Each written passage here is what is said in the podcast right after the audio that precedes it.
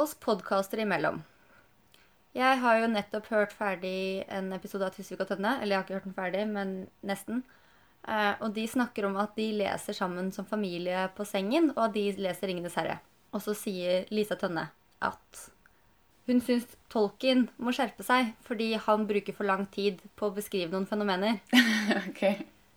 Og jeg tenker sånn, Det er ganske greit for dem at de ikke leser Prost som et familieprosjekt. I hvert fall ikke de sidene vi har lest nå, for de har jo vært verre enn noen gang, syns jeg i hvert fall. Ja, Dette er det verste partiet vi har lest. I min utgave har vi lest 150 sider, og i hvert fall 100 av de har handlet om Swan som tenker på det. Det er her hele det derre tanke... eh, Hva er det de sier at eh, hvis du skal skrive god litteratur, så skal du eh, Show don't tell-begrepet. Dette er ei 100 sider med tell. Ja, jeg skal akkurat si syns du det representeres av dette her, men eh, det er jo det motsatte.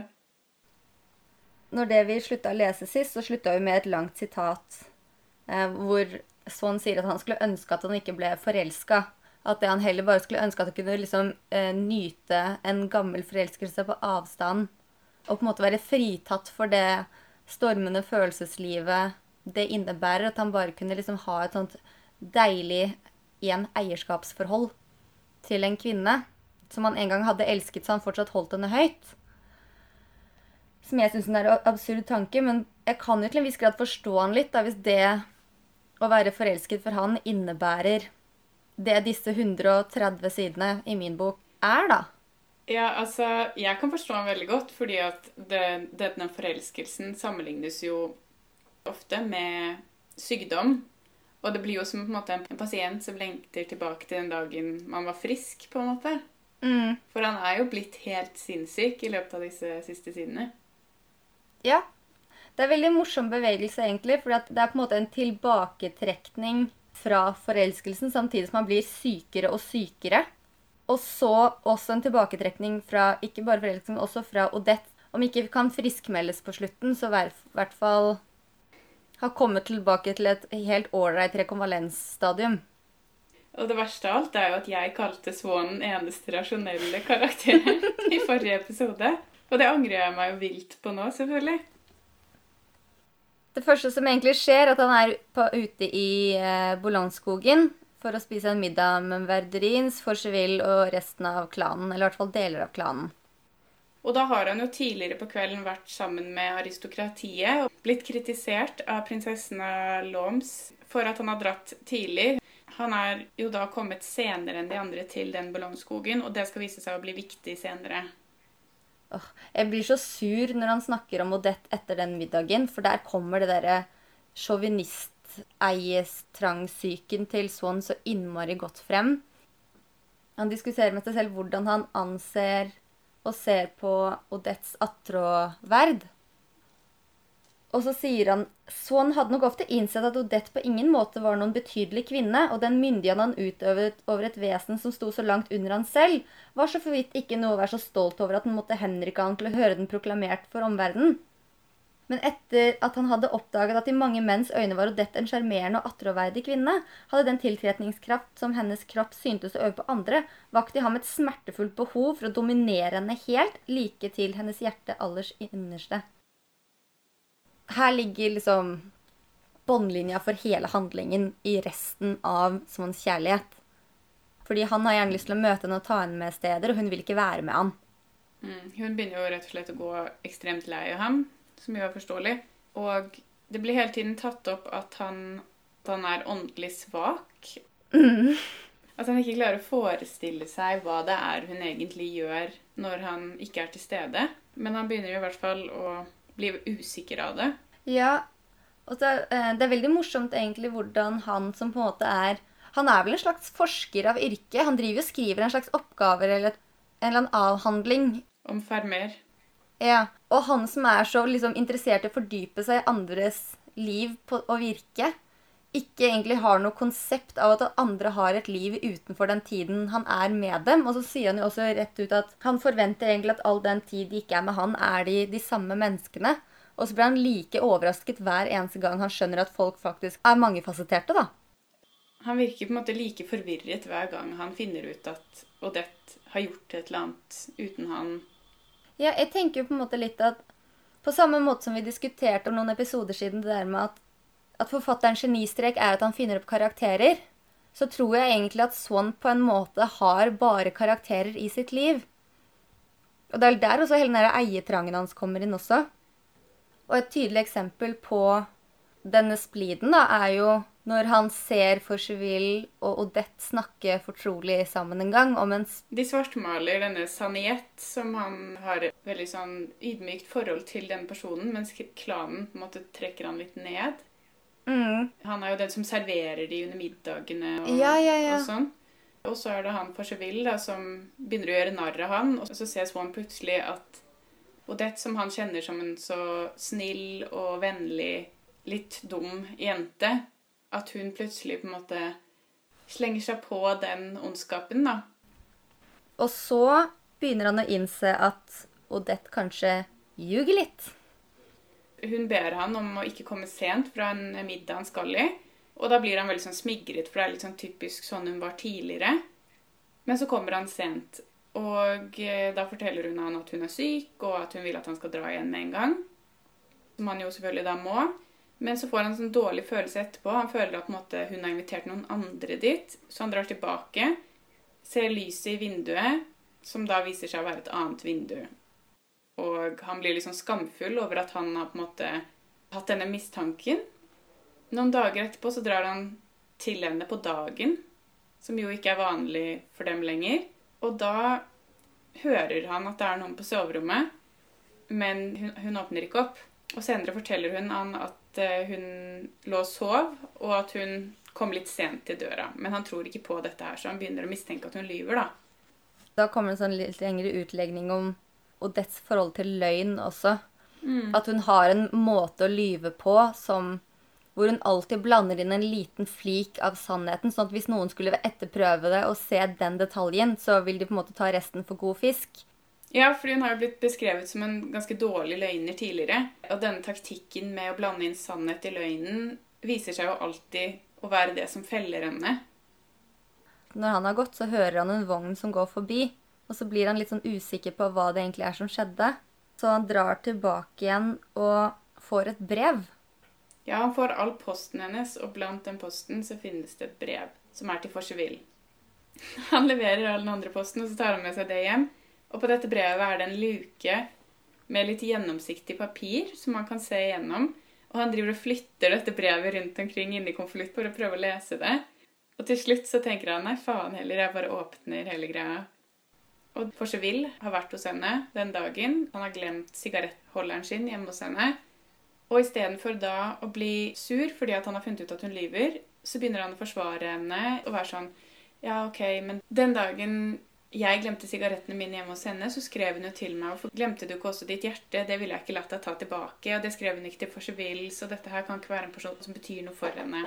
Samtidig så lyver hun jo i det brevet og sier at det var bra jeg ikke åpnet opp når det ringte på, fordi det var min onkel. Ja. Men det var jo Swan. Og Swan vet jo at det var han som ringte på. Han bortforklarer det jo med at hun eh, ga han brevet. Jeg blir liksom, Hvem trenger venner med slike fiender? Han har jo seg selv Jeg tror ikke jeg har møtt et menneske som er så god til å manipulere seg selv som han er. Og så er det jo nok en sånn der tur som de skal dra på sammen. De er en middag i denne ballongskogen, hvor de ofte har middagene sine. Der finner han ut at han ikke er invitert til dagen etterpå, hvor de skal spille en måneskinnsonate i mørket. Og så skjer det en annen ting som virkelig setter han ut av spill, og det er at Verdurin spør om Odette har lyst til å kjøre hjem i deres vogn sammen med Forseville, og ikke med Swan, som hun pleier. Og hun takker ja. Ja. Og så sier han jo sånn Ja, men jeg tenkte jo at Og så sier Vedin bare Du ser henne hele tiden, og nå hadde vi en ledig plass. Du klarer vel å kjøre vogna di sjæl? Og det klarer han ikke. Nei, han sender jo kusken hjem. Og vil heller gå hjem enn å sitte i den vognen alene. Å, herregud, som han baser på den turen hjem. Da klikker det jo helt for han, og da går han jo rundt i skogen og roper og virkelig hater denne klanen, da, som han for ti sider siden elsket. De, de har jo ikke smak, og de er jo Hvilken kremmerfamilie! Altså, han er jo helt ute å kjøre. Han er liksom i det samme moduset som jeg forteller er når han går rundt med de hagtornene og roper. Og da er jo han ti år gammel eller et eller annet sånt nå, mens han Ja. er jo en voksen mann. Så han går helt i sånn barnlig trass. Altså, En ting er jo når han ljuger om seg selv om at Odette er et bra menneske og sånne ting. Men så begynner han Og jeg syns det er så morsomt. Dette roper han, så jeg roper det litt, jeg også. Ja, dette er jeg også uthevet. Jeg befinner meg altfor mange tusen meters høyde over disse sumpmarkene hvor slike skravlehistorier utstråles, til at jeg kan la meg tilsøle av en madame Verdurins vittigheter, ropte han idet han rettet ryggen og kastet hodet stolt tilbake. Gud er mitt vitne på at jeg har gjort de mest oppriktige forsøk på å få Odette vekk fra dette miljøet og heve henne opp mot en edlere og renere atmosfære. Men den menneskelige tålmodighet har sine grenser, og nå er det slutt på min! Han har ikke hevet seg over klanen, han har ikke prøvd å trekke henne ut av den, og det er absolutt ikke slutt på hans tålmodighet. Ja, det er bare masse selvbedrag. Tidsperspektivet her er litt spennende. Det som skjer veldig lenge her nå, er at det bare er frem og tilbake med Odette, du er teit, og jeg elsker deg. Å nei, hun gir beng i hva han mener om henne hele tiden. Og han bare prenter nye scenarioer og nye vanskeligheter i sitt eget hode. Han klarer ikke å la henne gå, og så drar hun vekk, og da begynner han å lese det mest romantiske han vet.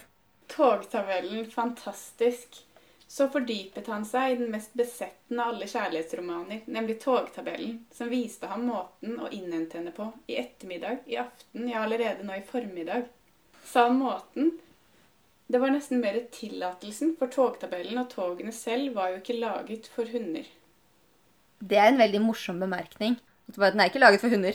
Men han oppfører seg som en sånn lapdog som bare gjør hennes every bid og logrer og Hun nekter han jo å dra til de stedene hvor hun reiser. Men han sier nei, vet du hva, det kan hun ikke. Jeg skal til Pirefons, markien av Forstel. Det gjør han bare fordi at det eneste som kan få han til å føle seg lykkelig, er muligheten for å kunne se Odette. Og så diskuterer han også hvordan hun vil se på han når han er der. Vil hun bli irritert fordi han har fulgt etter henne? Eller Men han er sånn der Nei, faktisk så er det å dra etter henne den uh, ultimate måten å bevilge henne denne turen alene på. Altså, det er jo det største selvbedraget hittil. Han drar i hvert fall hjem og håper så inderlig at hun skal komme på besøk til han når hun er på vei hjem. Det han ikke vet, er at hun er hjemme for lenge siden. Da bryter jeg-fortelleren inn på en litt sånn kul måte og sammenligner denne vreden som Swan befinner seg oppi, med den han selv har når han legger seg. En, enda en sammenligning mellom Prost og Swan. Min side 386.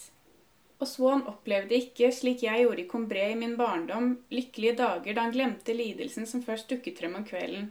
Dagene dem tilbrakte Swan uten Odette, og enkelte ganger sa han til seg selv at å la en så vakker kvinne gå alene ut i Paris var like uforsiktig som å sette fra seg et skrin fullt av smykker midt på gaten.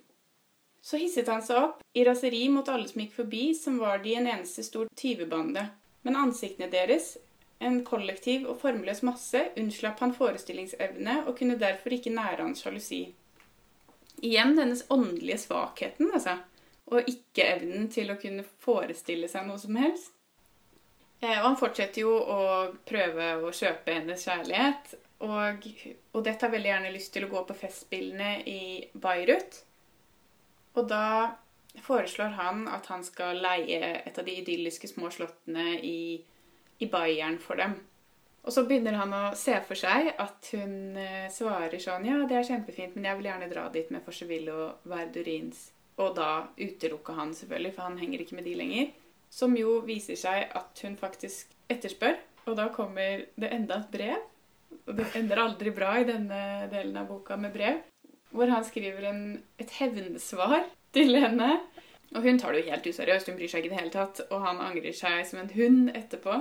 Uansett hvor mye kvaler hun lar han gå igjennom, så innser han ikke hva eierforholdet her er.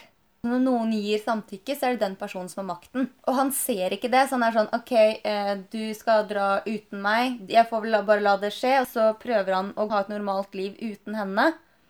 Men han lar ikke tingene rundt tilpasse seg hennes fravær. Eller han skjønner ikke at fraværet hennes kommer til å etterlate et tomrom. Noe jeg ikke forstår når hun opptar all hans våkne tid. Og så blir man jo introdusert for monsieur de Charles. Jeg har gledet meg så mye til å få denne personen inn i romanen på ordentlig. Og han får jo umiddelbart en klassisk rolle som ofte har vært brukt i litteraturen, som denne hjelperen da, som Swan benytter Mm. seg av. Og han på en måte legger all sin tillit til dette mennesket, at han kan hjelpe han med Odette. Og han kan umulig være interessert i henne hvis han kjenner henne. Og dessuten så han er så glad i Swan at han aldri ville gjort noe uansett. Dette her må jo være en redelig type. Han stoler i hvert fall voldsomt på han. Det er en til person som vi eh, jo har vært borti før, som eh, kommer på banen, og det er onkel Adolf. Og endelig da så får vi bekreftet vår mistanke om at Odette er damen i rosa perler. Tidligere så bruker jo Odette mye sånn engelske fraser, hvor du kommenterte at det var jo akkurat som damen i rosa perler. Og hun blir også beskrevet i rosa silkekjole og med perler. Så det har liksom vært noen sånne små hint. Nå viser det seg at hun også går på jevnlig besøk til onkelen til Prost. Og alt tyder på at det er henne. Ja, altså bare det der med også hvordan Prost beskriver koketten. Det med at hun har ikke det der gærne blikket som man forventer. Hun er ikke så pen som hun skulle vært. Altså at han er ikke så imponert. Når han møter henne, er jo egentlig akkurat det samme som Swan hadde når han møtte henne første gangen. Så jeg tror at det er henne. Det er faktisk De eneste menneskene som har blitt beskrevet som holddamer, er jo Odette og Tante Leonie. Ja, ok. Men det er et lite barn da, som ikke vet hva han snakker om. Ja. Men, men det er Odette og damen rosa perler. Det er mye som tyder på at det er den samme personen. hvert fall. Hun snakker så varmt om Adolf til Swan. Og så tenker jo Swan da at ok, men da kan kanskje jeg Fordi Adolf har vært liksom en del av det der festlivet på Rivieraen og sånne ting som han tenker ok, men nå kan jeg få vite noe om hennes fortid. Og så sier onkel Adolf til Swan at kanskje du skal roe han litt på besøkene til Odette. Og så sier han samtidig til Odette kanskje du skal bare la Swan få treffe deg når han vil. Altså Han prøver basically å lage et gyllen middelvei for det forholdet, sånn at det faktisk skal funke. Og da gjør jo Odette den groveste beskyldningen. Ja, fordi da føler hun at eh, Adolf, som hun egentlig ser på som sin venn, er på lag med Swan og beskylder han umiddelbart for å ha prøvd å voldta henne.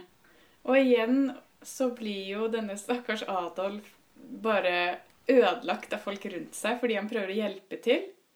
Hvis det er Odette som er damen i rosa, så er det henne ved begge tilfeller hvor han, hun bare fucker opp alle relasjoner han har. Det er på en måte hans lodd i livet å bare bli ødelagt av de han prøver å hjelpe. Det er veldig trist. Og han blir i hvert fall suicidal, fordi han har nå funnet en eh, hevelse i underlivet. Da er han litt sånn Ja, OK, egentlig nice hvis jeg har kreft, fordi jeg vil gjerne dø. Så han har virkelig veldig mye sånn stadier i denne tragiske kjærlighetshistorien sin. Fornektelse og sinne, og nå er han så dypt deprimert at han vil dø. Men han er jo ikke suicidal. Altså, det sies jo ved et par anledninger, men altså, å, å ville dø og være suicidal er jo to forskjellige ting. For suicidal så skal du ende ditt eget liv. Han bare håper at noe skal inntreffe. Det er litt sånn som den brannen og Leonie. Ja, men det står faktisk her. Og når han i denne tiden, uten å ville innrømme det for seg selv, faktisk ofte lengtet etter døden, så var det ikke så meget den intense smerten, men først og fremst den ensformige, håpløse anstrengelsen han ønsket å bli befridd for. Så Ja. Det er mulig suicidal er et sterkt ord, men han har i hvert fall lyst til å dø. Nei, nei, jeg tenker bare at suicidalitet eh, fordrer en viss agens, da. Og det har jo ikke han en hårsbredd av i livet sitt. Nei. Han klarer jo ikke engang å holde på sin egen kusk. Nei, fordi Odette da plutselig får det for seg at ikke hun liker kusken, Remi, lenger. På en eller annen måte så blir han litt sånn glad av den tanken, fordi da sparker han kusken. Og hvis noen spør sånn, ja, men blir du ikke kjørt av Jeg tror han heter Remi. Remi Loredano, tror jeg. Ja, så blir han på en måte veldig glad, fordi da kan han si at Nei, jeg kan ikke bruke han lenger, fordi det liker han ikke, og du vet jo hvordan kvinner er, og på en måte føler en eller annen slags sånn nærhet til henne ved at han har sagt opp kusken sin for hennes skyld. da. Så han må jo ta en annen kusk til den eneste spennende og livaktige delen i hele denne hundresidespassasjen. At han har klart å gjøre den så kort. Ja, fordi på min side 421 så kommer den ekte salongen som du ba om. Yes, på tide. Jeg syns i hvert fall det var masse kompliserte greier i den som man kunne bryne seg på. Ja, absolutt. Det er masse fine observasjoner om, eh, om musikk som jeg likte veldig godt. Han skaper mye fine bilder. Denne passasjen begynner jo med at han drar i et selskap hos markien av Sant Evert, eller hvordan skal vi si det? Og da står det eh, denne spesielle tilbøyeligheten han alltid hadde hatt til å lete etter likhetspunkter mellom levende mennesker og portretter i museene, var fremdeles virksom, men på en mer konstant og generell måte. Nå som han var løsrevet fra denne tilværelsen, var det selskapslivet i det hele tatt som fremstilte seg for han som en serie av malerier. Og så beskriver han denne serien med malerier, alt ifra vaktene som sitter og sover i inngangen Tjenerskap som står på vei i trappen inn. og så, Han beskriver dem vel som mynder. Sånne flotte hunder og Bøddelen, som fra et renessansemaleri. Senos altertavle, Eremitanis freskomalerier. Mantegnas modeller fra Padova, Albrecht Dürers saksere altså han, han, drar masse kunstreferanser jeg ikke har noe som helst forhold til. Men så kommer han på en måte inn da fra inngangspartiet og inn i salen, og der treffer han gjestene. Og da går han inn i en ganske sånn lang og kul beskrivelse av hvordan forskjellige karakterer fremstilles gjennom monoklen deres. Og det syns jeg var kjempemorsomt, i hvert fall med denne general Fauberville, som jo har vært i krigen tidligere, og monokelen hans sitter midt mellom øyelokkene som en granatsplint i pannen, som han igjen sammenligner med Kiklopens øye. Og så har du Monsieur Breauté, som har en liksom, Han er veldig fancy på det. Han har liksom perler og hansker, hvitt slips.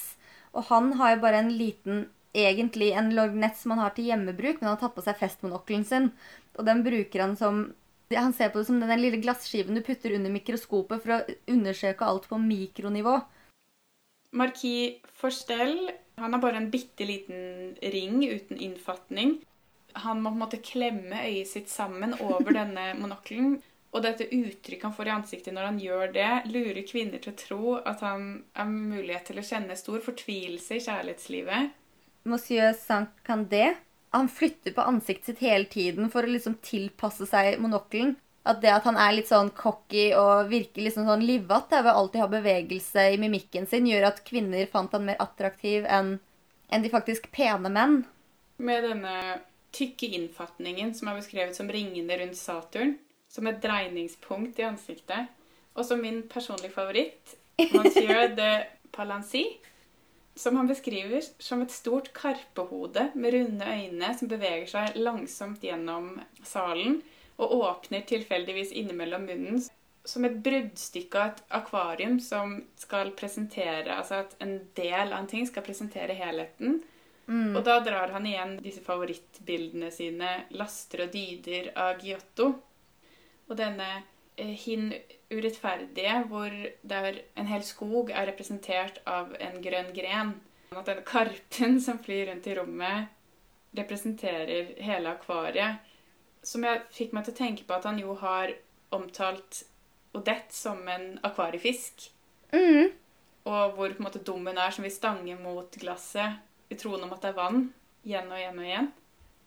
Det er egentlig litt morsomt at han synes at hun er dum når han snakker om akvariet, mens her er det jo liksom aristokratiet som han har veldig opphøyet. Driver han på en måte og utligner dem litt for seg selv, tror du? Altså høyborgerskapet og aristokratiet. Mm. Du stiller alltid så mange vanskelige spørsmål. Jeg sier som eh, prinsessen av Loms at jeg har ikke noen forutsetning til å svare på det. Du har lest boka?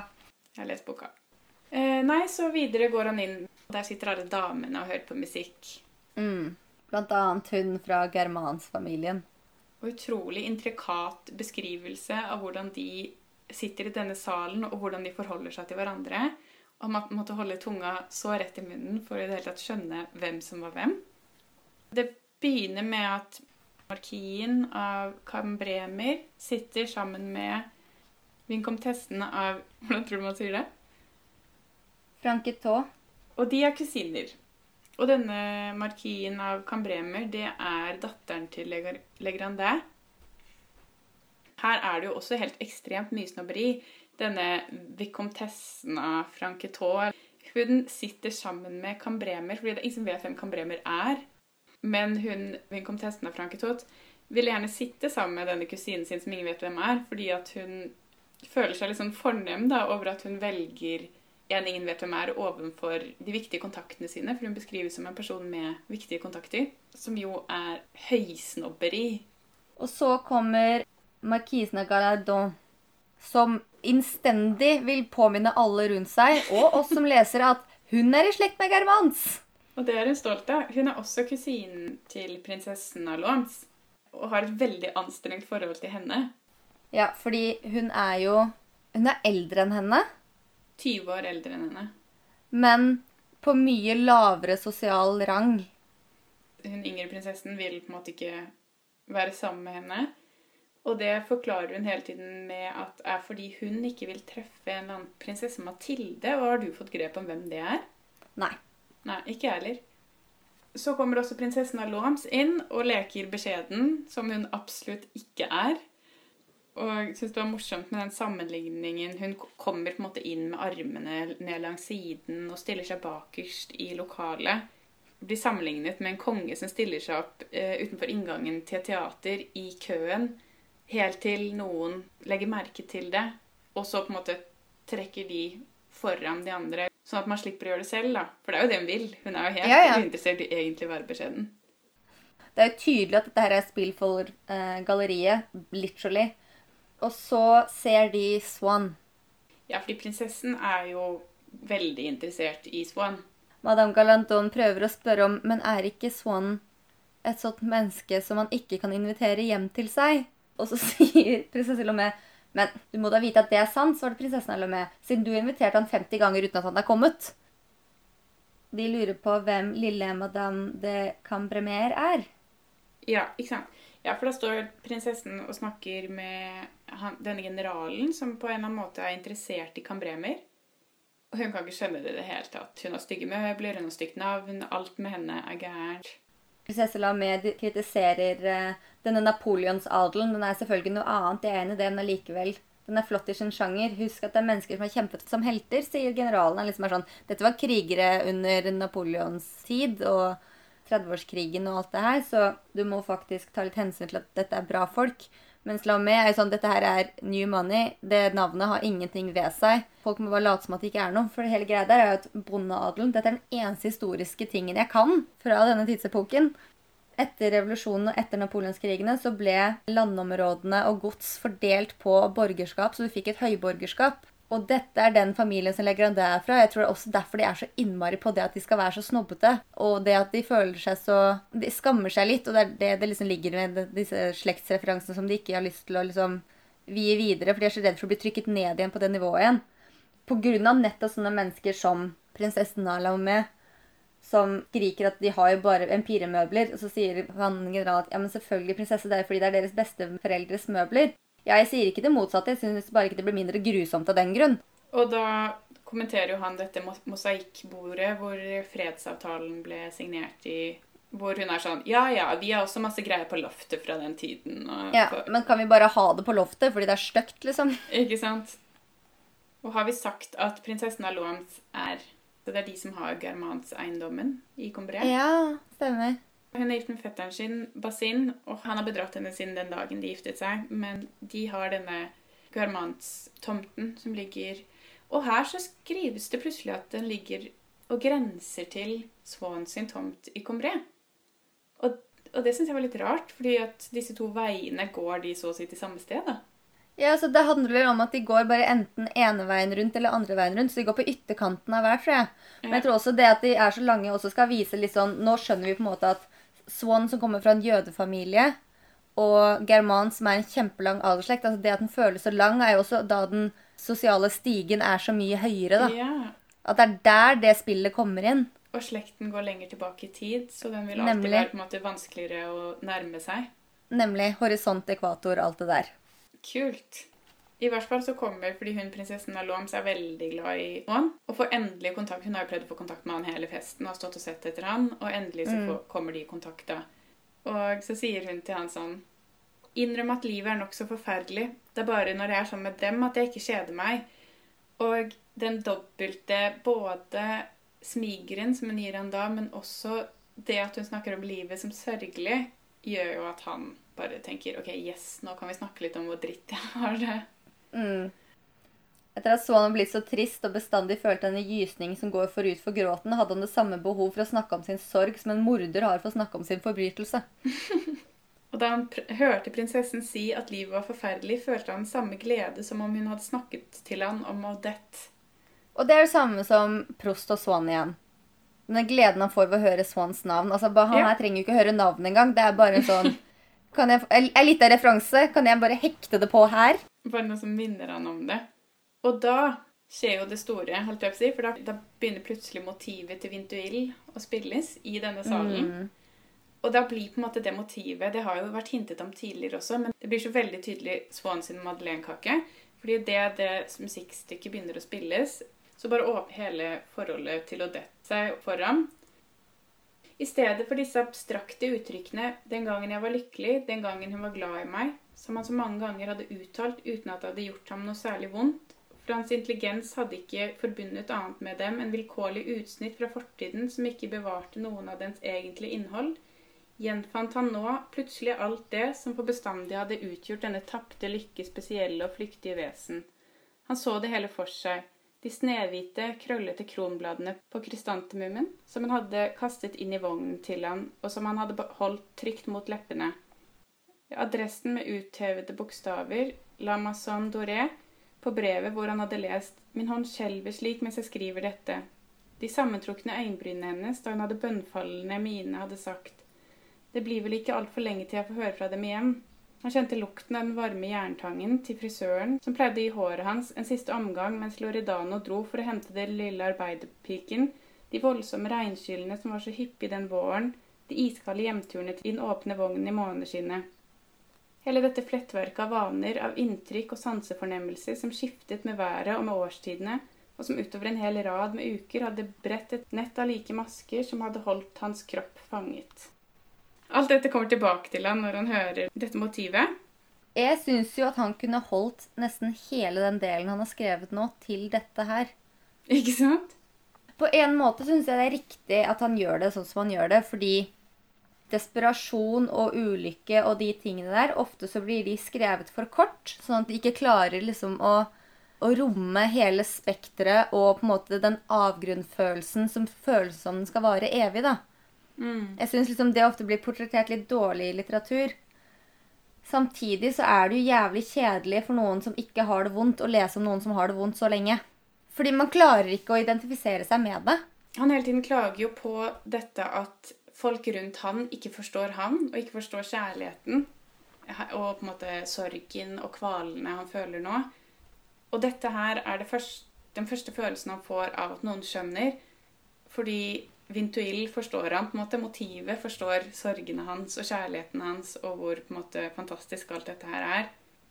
Han skriver også veldig fint om hvordan Vintuil kan ha fått fram denne lille delen. da. Det med at han har ikke komponert den, sånn som når du hører kunst som er komponert, men det er akkurat som han bare har gravd den ut av jorden. Altså det, Han sier basically at dette her er en rå diamant som bare har fjernet akkurat det lille som må til for at den skal skinne. Og ikke ødelagt den ved å slipe den ned, gjøre den til noe den ikke er. Altså kunstiggjøre den. Det er så rått og ekte for han. Og da forstår han jo plutselig at kjærligheten hans er tapt. Det burde han jo forstått for lenge siden, men det er på en måte nå at det går opp for han, da. Og da Innlemmer han sin egen mono monokkel. Da sier han Og så, da hans smerte ble altfor intens, strøk han seg med hånden over pannen, lot monokkelen falle og tørket av glasset. Og hvis han hadde sett seg selv akkurat da, ville han antagelig, i den samlingen monokler han allerede hadde merket seg, kunne innlemme sin egen, som han fjernet som en plagsom tanke og med et lommetørkle prøvde å pusse vekk bekymringene på det duggete glasset. Altså, Da blir jo monokkelen et veldig kult motiv, da. Fordi at han har jo brukt det på en måte for å beskrive identitet Men nå begynner den også å identifisere perspektiv. mm. Altså, en, en brille er jo på en måte et vindu, det som gir utsyn. ikke sant? Det som gjør at du ser ting i klarhet. Så når han på en måte da må tørke av denne brillen fordi her er det noe grums Nå har vi jo snakket litt grann om Vintuils fine frase, og det er egentlig masse mer vi kunne sagt om den, men det kommer liksom Siden vi har lest så mye nå, så hopper vi litt raskt over det, og så går vi videre til neste roterende hendelse. Han mottar et anonymt brev hvor han får fortalt at Odette har stått i forhold til både kvinner og menn. begir seg ut på en ganske sånn lang eh, greie hvor han mistenker alle han kjenner for å være den som har postet brevet. Fordi han er egentlig ikke så veldig opptatt av innholdet av brevet, men mer sånn hvem vil han så vondt at de forteller han det? Det som er litt morsomt, er at det står litt sånn subtilt hva hun har gjort. Og så igjen da så blir denne åndelige dovenskapen dratt opp igjen, fordi at han ikke evner å forestille seg i detalj hva som faktisk har foregått, så han er egentlig ikke så sur. Han er bare sur for at han vet det, for nå har han mistanken. Og det er mistanken og tvilen som er hans store fiende og lodd i livet. Mm. Han tenker jo gjennom hvem av disse tre hovedsakelig er det det kan være, som kjenner til deres forhold, og som kjenner henne godt nok og hennes liv og levemåter godt nok til at han kan ha oversikt. da. Og det er da det er Monsieur de Charles, Monsieur de Lomé eller Monsieur d'Orsan. To av disse kjenner vi egentlig ikke noe særlig til. Men Monsieur Charles han gjetter jeg, så absolutt kan ha skrevet noe sånt. Mm. Kanskje også i litt dårlig samvittighet for at han stoler så innmari på han og Odette og virker så forvirret og ikke i stand til å se hennes måte å oppføre seg på. Da. Så han kanskje tenker mm. at jeg må bare sette han litt på sporet av det. Samtidig kan det jo også være litt sånn, sånn som uh, Swan sa at han måtte uh, Han ville snakke om sin sorg og forelskelse lik en morder vil bekjenne sin forbrytelse. Ja, så kjenner jeg Er det et lite snev av eh, 'det er meg', og jeg har skikkelig dårlig samvittighet, så jeg må bare si det litt anonymt. Ja, det er sant. Men det som fører han inn på mer eh, tema i brevet, er jo at han er i teatret sammen med prinsessen av Loams, og de skal se et stykke som heter 'Marmorkvinner'. Mm. Da kommer han på og dette har fortalt at hun en gang besøkte Industripalasset sammen med madame Verdurin, hvor hun sa til henne Du må bare passe deg, jeg skal nok klare å tøde opp, du er ikke av marmor. Altså Verdurin hadde sagt det til Odette? Ja. Så det på en måte får han inn på tanken at hm, kanskje de egentlig har vært litt annerledes enn jeg trodde sammen. Hvor han kommer på videre at og dette har fortalt at madame Verdurin er gal etter henne og vil kysse henne hele tiden, og at de skal gå sammen på gaten hele tiden. Så da begynner han på en måte kanskje å mistenke de litt. Ja, og for en gangs skyld så klarer hun også å gjøre noe skikkelig med det. Han bare sånn eh, Jeg skal være up front. Har du ligget med henne? Eller en annen kvinne? Sverg på Madonnaen av Laguette. Swear on Madonna. Um, og det sier hun jo absolutt. Det vet du godt at det Det har jeg allerede sagt. Men hun svarer jo ikke ja eller nei, og for en gangs skyld så skjønner han det, han også, at nå sier du verken ja eller nei. Mm. Så han dytter ganske mye på henne for det. Og så sier hun eh, Hvordan kan jeg vite om jeg har gjort det? Det er i så fall veldig lenge siden. Og da tenker jeg, De fleste som har eksperimentert litt en gang i sin tid, de husker det vel som regel. Mm -hmm. For ikke å snakke om at det er jo helt tydeligvis ikke et engangstilfelle. For først så sier hun ja, det kunne kanskje vært to eller tre ganger. Forresten så er jeg ikke helt sikker. Og så kommer hun plutselig på en helt tydelig gang som absolutt ikke er så veldig lenge siden. Som vi hintet til tidligere i episoden. Under 100 sider siden, da de var på middag i Ballongneskogen, og en eller annen dame begynner å spørre henne om hun skal Månen er så flott her bak trærne. Ja, det er det. Hvor hun er sånn Nei, jeg sitter og ler litt fint her, og så er eh, denne kvinnen sånn Nei, for noe tøys, kom med meg.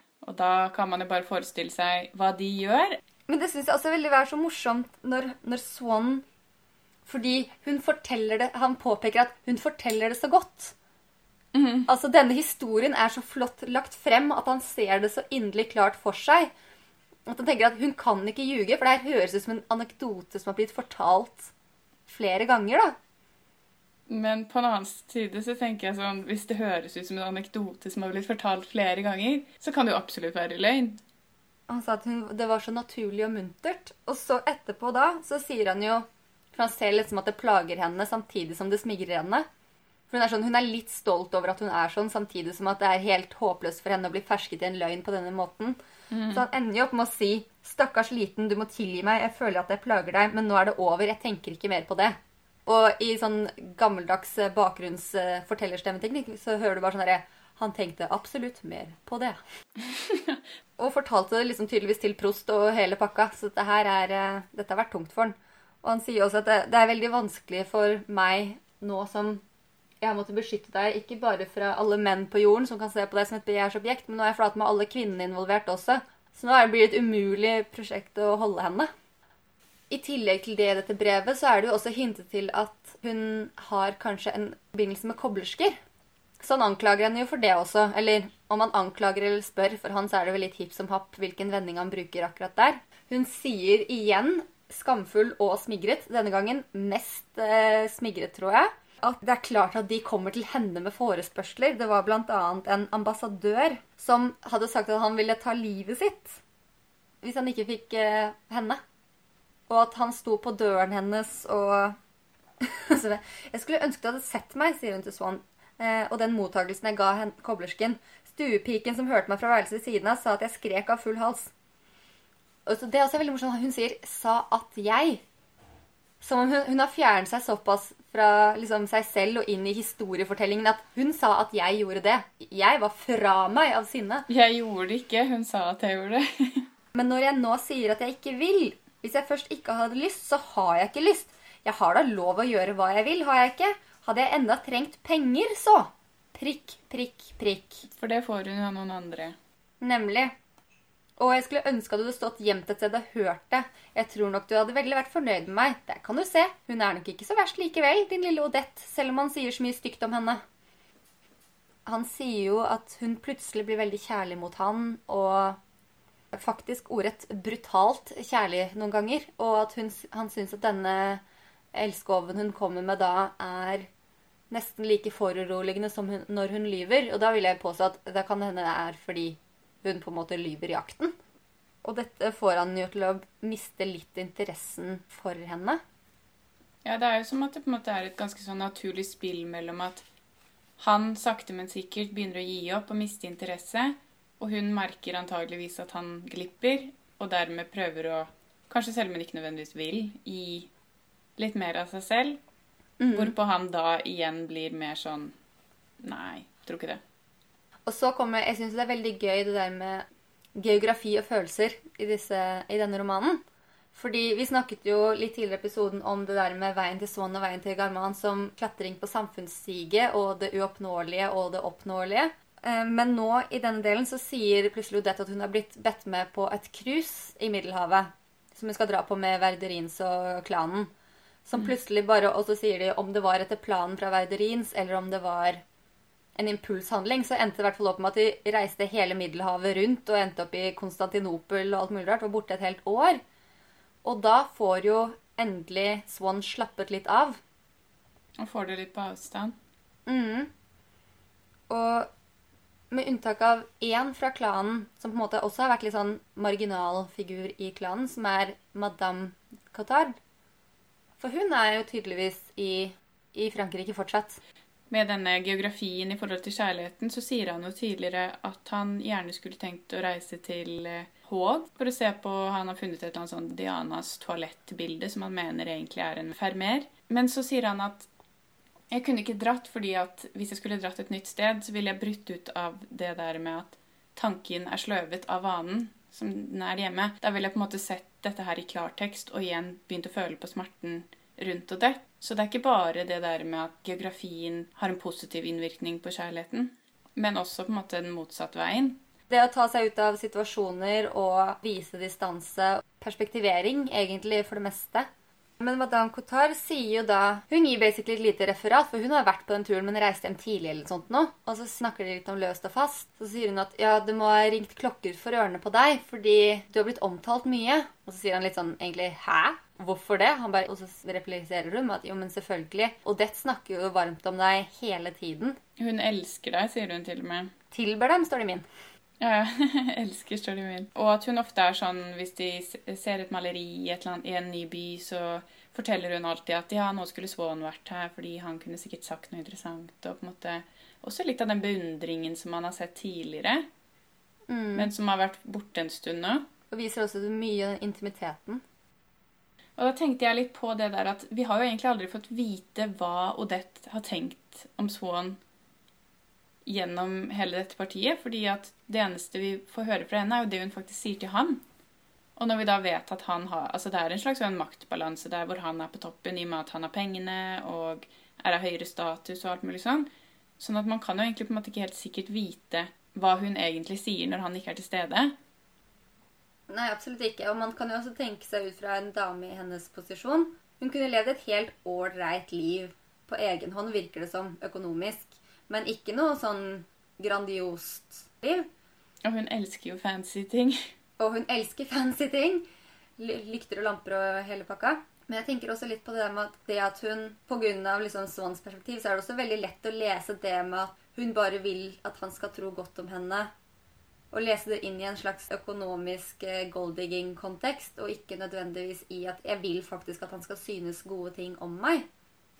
Men i hvert fall når han får høre disse tingene av Madame Cotard, så slukner på en måte kjærligheten hans til Odette helt. For da har han på en måte fått bekreftet noe han har lurt på så lenge, at faktisk hun er glad i ham fortsatt. Mm. Jeg syns egentlig den er veldig fin, den når han forklarer hvordan den tanken har innvirket på han, da. For han sier at eh, med en gang han merket at han ikke var forelsket i Odette lenger, så ville han prøve å klamre seg fast til den tanken. Det hadde han liksom sverget for seg selv at han skulle gjøre. Men så sier han at men nå viste det seg at samtidig som hans kjærlighet avtok i styrke, ble også hans ønske om å holde fast ved den svakere. For man kan ikke forandre seg. Det vil si, man kan ikke bli en annen person og samtidig adlyde ordre fra den man ikke lenger er. Det er den tydeligste friskmeldinga vi har fått på lenge. Det og frisørtimene. Det er veldig gøy. Altså, Hva er det med håret hans? Han, det har vært kommentert altså, det der med at han ser dårlig ut av håret. Og denne månene og Ja, at Først så var de sånn Å, se på han. Han har litt sånt virilt, sprekt utseende. Og, liksom, og så bruker de akkurat de samme karakteristikkene for å si at han ser jo helt utslitt og gående ut. Han begynner i hvert fall å pynte seg litt og være litt sånn forfengelig igjen. Og så har han en sånn selvrealiseringsdrøm. Veldig speisa Jeg bare kjente sånn Oi, her hadde Freud Hatt mye å ta tak i. Men samtidig så er han jo såpass selvinnsikt, eller i hvert fall Prost har nok innsikt i Swan til at han tolker den for han. ja. For det er en slags sånn hyperrealistisk drøm hvor han er ute og går tur med deler av klanen. Bare at noen mennesker er endret, sånn som han sier at han går der med Napoleon den tredje, men det er tydeligvis for Seville. Og så er det også en mann med fess. Akkurat hvorfor den fessen er viktig, det skjønner jeg ikke, men det er en mann med fess. Og er ikke det Odette eller? Nei, hvem er det? Nei, det er han! Det er han selv. Det var det. Så det er morsomt at i drømmen så gir han råd til seg selv. Om å ta på en fest på toppen av månen. Jo, jeg håper det egentlig er grøden. Og så, ja. Og når han våkner av den drømmen, så er frisøren gått, fordi han skulle egentlig vært der for en time siden, og så hadde Swan forsovet seg. For da skal Swan ut og reise selv. Da har han sett seg lei på Odette, rett og slett, og kan ikke engang forestille seg hvorfor han noen gang har vært så altså, ettertraktet henne så fælt. Og etter at liksom vi får den der klippen og gjøre-klare-delen, som er liksom den ytre forbedringen, så får vi på en måte bekreftet hvordan han har liksom landa i seg selv også. Og det er en ganske lang Det siste avsnittet er vel nesten Jeg vil si det er det beste avsnittet i hele delen. Ja. Jeg syns det er fint både skrevet og oppsummert, og jeg liker så godt det når han klarer å liksom Altså, jeg driter jo om, delene og setningene er lange, så lenge de sier noe vakkert. Og her sier han jo Jeg syns den her er veldig pent bygget opp, da. Men mens han, en time etter at han hadde våknet, ga frisøren de siste instrukser så håret skulle holde seg på plass på turen, tenkte han tilbake på drømmen. Igjen så han for seg slik han hadde følt dem så helt nær. Den bleke huden til Odette, de altfor magre kinnene, de trette trekkene, de oppsvulmede øynene. Alt det som han, i løpet av disse mange forelskelsene i Odette som hadde kastet et glemselens slør over det første inntrykket han hadde fått av henne, ikke hadde lagt merke til siden den tiden da de ennå så vidt kjente hverandre. En tid da han formodentlig nå, mens han sov, på ny var dukket ned i for å hente opp denne nøyaktige fornemmelsen av deres første møter. Og med den glimtvise tarveligheten som våknet igjen når han ikke lenger var ulykkelig, og som i samme øyeblikk senket hans moral, utbrøt han for seg selv. Tenk at jeg har kastet bort år av mitt liv. At jeg har ønsket å dø. At mitt største kjærlighet har vært til en kvinne som jeg ikke følte meg tiltrukket av. Som ikke engang var min type. Den er veldig fin. Jeg synes den er, ja, den er veldig kul. Det med at han liksom drar opp igjen Ikke bare det at han liksom kommer tilbake til seg selv, men at liksom, han har pusset monokkelen, han er klar, han har pusset på håret. Han ser klart igjen, da, og så ser han Jeg syns det er veldig deilig at altså, Han har jo gått full circle. Det er en veldig god dramaturgi i den delen som heter Sånns kjærlighet. Bare det at det står mange forelskelser, at han på en måte har Han har hatt så mange forskjellige versjoner av Odette, og nå ser han de alle sammen på en gang og er på en måte klart å gå videre, da. Og så også det er veldig morsomt, fordi vi påpeker jo igjen og igjen og igjen i denne podkasten at vi kan ikke fransk. Men i går så hadde jeg en samtale med Tone Selbo, og hun fortalte meg at i den franske versjonen så er, står det ikke min type, selv om det er helt riktig oversatt, men det er min sjanger. Genre. Så det er jo på en måte også en litteraritet her som vi ikke helt Mm. altså, altså, kunst, altså kunstperspektivet på henne. da, liksom, Hun er ikke min type kunstverk egentlig engang. At han måtte liksom dra henne opp til det der, det er også veldig sånn, det er litt sånn man mister i oversettelsen. Det er nok mye sånne ting som hadde vært morsomt hvis man kunne lese originalen. Men da er det godt at man har sånne fantastiske mennesker som Tone Selbo til å fortelle oss om det. Hva tenker du nå når vi har lest hele Sånns kjærlighet?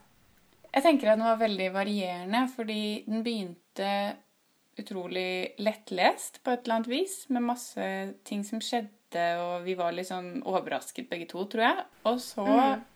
bare krasja den helt i hans indre, og jeg tenkte at selv jeg, som på en måte synes sånt er gøy, var i ferd med å gi opp. Ja. Og så synes jeg at det tok seg veldig opp med dette selskapet, og tenkte litt mer sånn yes. Jeg tenker jo at det jeg har vært skikkelig sint for i den delen her, som er liksom det langdryge og det kjipe, også er mye av det jeg har hatet når det jeg har lest Kafka. Fordi både Prost og Kafka er så vanvittig flinke til å sette deg inn i karakterens sted. Du blir sint, og du blir desperat, og du blir liksom sånn Selv om du kanskje ikke helt føler det fordi at du deler karakterens følelser, så, så føler du liksom situasjonen, for du må jo følge dem hele tiden i sitt følelsesliv. Pluss at det blir veldig mange sånne blindspor, fordi at man på en måte blir tatt inn på så mange forskjellige tankeretninger som egentlig fører til det samme og sier mye av det samme. Så man blir litt sånn derre Jeg føler at man leste 100 sider om tre ting, da. Som gikk igjen og igjen og igjen. Men sånn er det å leve i tvil. Bare men man blir sliten av å være med på hver eneste tankerekke og aldri på en måte få fred, da. Jeg syns den er bedre i ettertid, på en måte. Men sånn er det ofte med sånn type tekst også, at de er kanskje litt tunge der og da, og så får du litt avstand fra den, og får den får modne litt i deg, og så er det en god opplevelse i ettertid, selv om ikke det nødvendigvis var en prima opplevelse der og da. Ja, nei, jeg kommer aldri til å lese den delen der igjen, tror jeg. Jeg kommer kanskje til å se opp igjen noen sitater og scener. Men det er jo ganske tydelig at vi har jo likt de delene som er mest livete også. Mm. Der det er mye replikkvekslinger. Han, for han er jo han er så skarp på dialog. Mm, veldig. Men hva tenker du at du tror skjer fremover? I brevet, som er neste del, Navnet? navnet Hvorfor, si, hvorfor sier jeg brev? Jeg har sagt brevet hver eneste gang. Jeg er helt sikker på at det er et brev. Det er fordi det er så mye brev i dette, denne boka. Ja, altså Det er jo himla mye navn også, så sånn sett har jeg ingen uh, unnskyldning. Hva jeg kommer til å tro, tror kommer til å skje i navnet Altså Jeg vil jo gjette at det, en, at det er en slags avsløring. At det er et eller annet menneske som blir, som blir introdusert eller avslørt på en eller annen måte. Eh, enten at det er Odettes elsker Mm. som blir avslørt. At vi får på en måte navnet på en av de tre som Eller en av disse som har vært mistenkte. Eller så tenker jeg også at nå reiser han til Combré. Det er, det er dit han skal reise på slutten av romanen. Det navnet som har liksom Odette pluss Swan er lik i Combré, er jo eventuelt Gilberte. Så jeg lurer på om det kanskje handler om Gilberte. Jeg har tittet litt på navnet, den er jo ikke veldig lang. Og ordet Gilberte er det ordet som blir tatt opp igjen flest ganger i løpet av den delen. Så det tror jeg du har rett i. At vi nå skal bli kjent med dette barnet. I så fall så tror jeg vi er inne for ganske sår lesning. Når to mennesker på en måte begge har begynt å komme fra hverandre, og så skal de føres sammen igjen med et barn. Det kommer jo sjelden noe godt ut av den situasjonen der. Nei, og det har vi jo fått hintet til at ikke fungerer så veldig bra heller. Sluttbetraktninger om Sånns kjærlighet. Jeg vet mindre om kjærlighet nå enn da jeg begynte å lese. Jeg er mer forvirra. Ja, ja, jeg vet ikke om jeg vet mindre om kjærlighet, men jeg vet at flere kanskje innlemmer mer i kjærlighetsbegrepet enn det jeg gjør. Så jeg, jeg er klar for en definisjonskrangel med noen.